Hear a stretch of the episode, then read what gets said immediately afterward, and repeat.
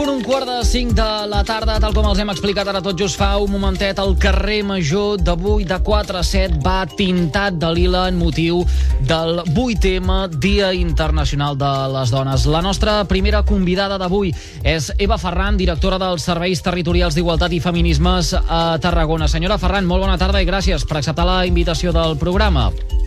Molt bona tarda i gràcies a vosaltres. Més de 2.000 persones s'han manifestat aquest migdia a la ciutat de Tarragona en aquesta convocatòria de la plataforma 8M del camp, precisament per commemorar la jornada, el que esdevé una manifestació eh, unitària. Quina valoració en fa del seu desenvolupament?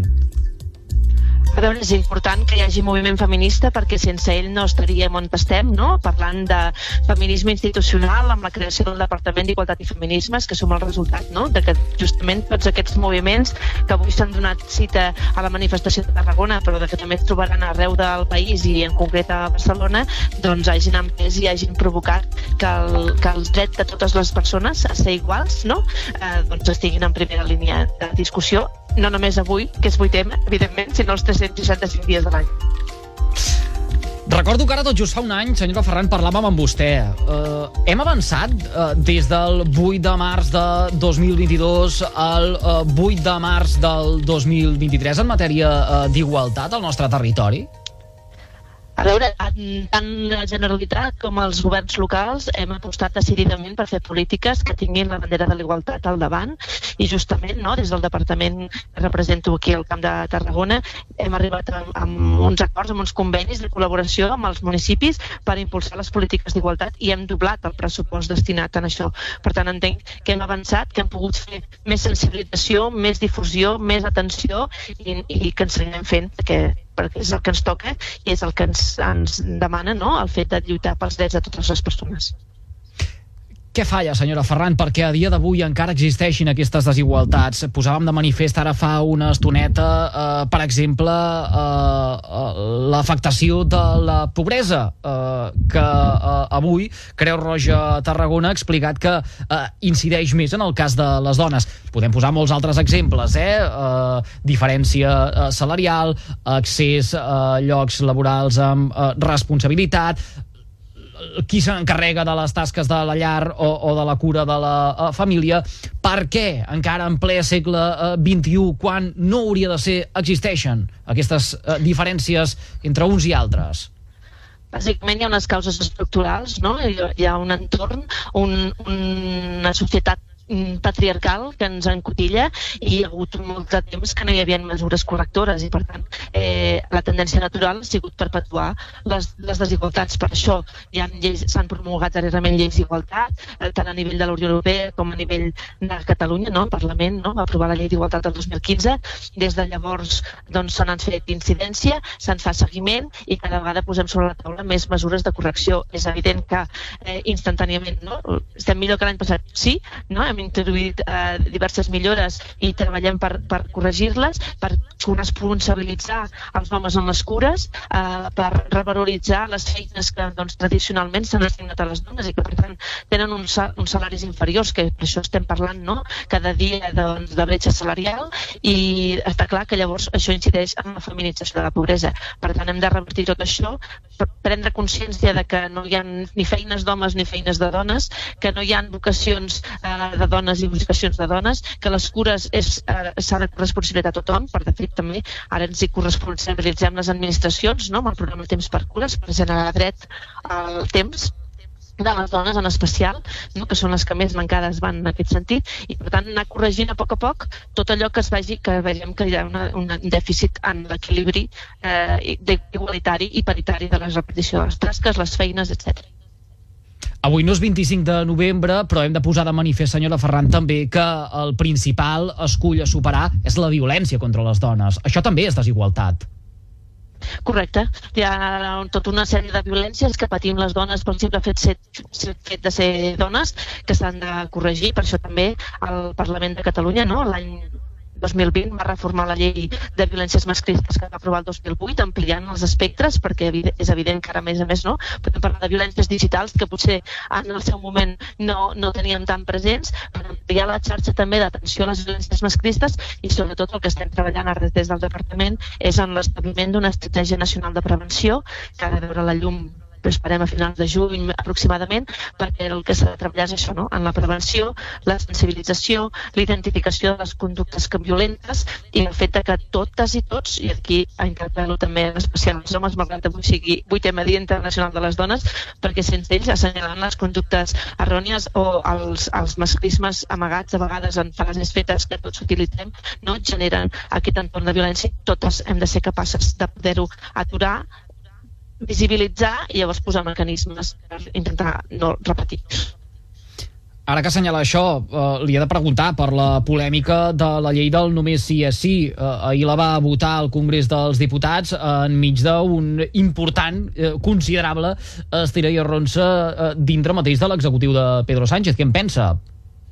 Bueno, nosaltres pensem que no és, un, no és una qüestió tècnica, no? Aquesta llei, com qualsevol altra, abans de que s'aprovi finalment pel ple de, de, cambra, de la cambra corresponent, no? en aquest cas el Congrés dels Diputats, passa per moltes assessories jurídiques, incloent el Ministeri de Justícia.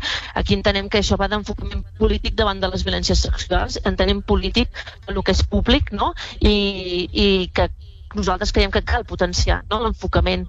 És que té la llei vigent, que és el mateix que ja teníem incorporat al marc normatiu català, no? que és el consentiment al centre per evitar la revictimització de les dones. Perquè, clar, demostrar l'existència de violència física perquè et creguin, eh, això revictimitza les persones, bueno, en concret les víctimes, no?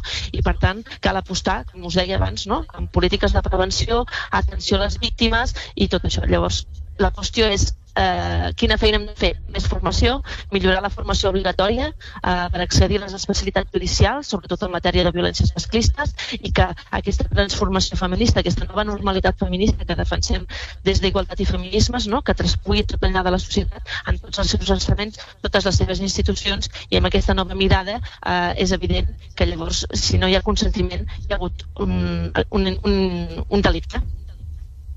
Uh, senyora Ferran, vostè que es dedica a la política uh, i per tant uh, sí que és responsabilitat de tothom, però uh, són els polítics els que uh, tracen les directrius que s'han de seguir.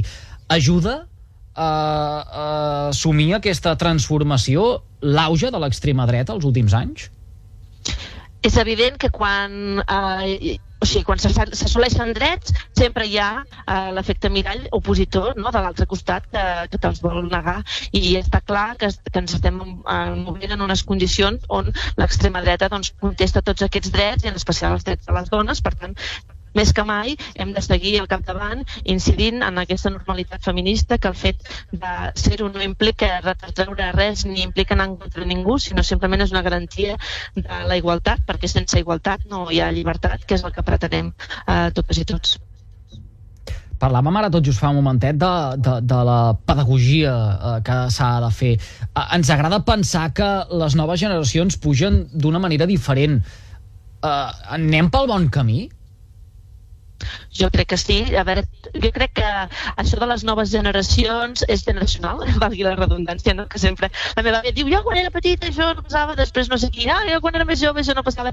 Mm, les coses evolucionen, està clar, ara tenim un món digital que és molt més hiperconnectat, que ens obre el món a moltes opcions i l'únic que hem de saber doncs, és això, un, un treballar en, justament amb el Departament d'Educació, però justament també totes les famílies i amb la societat en general, els mitjans de comunicació també, no? Tenim una, una part de feina a fer aquí doncs, per poder identificar allò que és bo o bueno, bo, allò que és mm, normal en aquesta normalitat feminista que nosaltres prediquem, de la igualtat absoluta entre totes les persones que convivim en el país i, i el que no, i per tant simplement és, és lluitar una mica contra aquesta obertura al món que és tot com més eh, instantani, si vulguem però que és important que ho puguem treballar i per això treballem estretament amb el Departament d'Educació no? per treballar la coeducació des de, des de l'infantil no? perquè totes, eh, la, totes les nenes i nens de Catalunya pues, creixin en aquest entorn de seguretat i igualtat. Directora, la uh, teoria uh, és molt clara, però a la pràctica, com s'aconsegueix que el salari entre un home i una dona que fan la mateixa feina acabi esdevenint el mateix? O que, per exemple, l'atur eh, femení pugui eh, equiparar-se en eh, les taxes eh, d'atur eh, masculines o que hi hagi un repartiment eh, igual eh, de les eh, tasques eh, que es desenvolupen a la llar. Uh, això, uh, uh, de quin mecanisme requereix per uh, poder-se materialitzar? Home, ara m'apretes una mica en el sentit de dir que no, no puc determinar-te quin temps. La qüestió és això, és que tenim, tinguem clar que fem pedagogia, que mm, igual feina, igual retribució, que les feines de la llar no tenen gènere, que, que la, les cures no desmereixen pas, eh, perquè de fet la, el que us deia al principi no, de la societat patriarcal ens encorseta les dones amb limitacions, però també encorseta els homes, no? que creuen que per ser doncs, homes doncs, hi ha certes coses, feines que no poden fer o, o certs aspectes de de la vida que no haurien de tractar o alguns sentiments que no haurien de demostrar. Per tant, alliberar-nos d'aquest encostatament és el que farà que totes i totes i tots veiem eh, que el que deies, no? que feines iguals, salaris iguals, eh, repartiment de les tasques en funció també dels doncs, horaris que tingui cada, cada persona treballadora de la, de la llar i que cuidar els fills o les persones dependents no, no té gènere. I, i estirades d'orella per als que eh, se saltin la normativa, eh, i ara aquí em ve, per exemple, al cap els eh, plans d'igualtat, eh, poden existir però poden no aplicar-se també. El primer pas és l'obligació que tenen ara totes les empreses, no?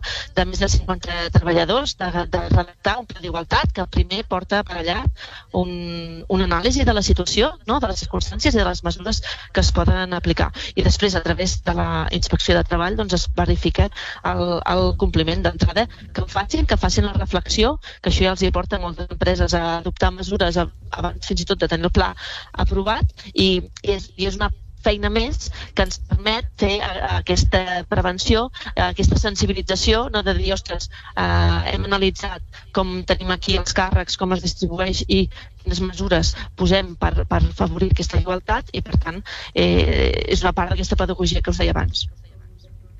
Eva Ferran, directora dels Serveis Territorials d'Igualtat i Feminismes a Tarragona. Gràcies una vegada més per acceptar la invitació del carrer Major de les ràdios de la xarxa al nostre territori. Que acabi de passar un molt bon eh, 8 de març, Dia Internacional de les Dones. Igualment, moltes gràcies.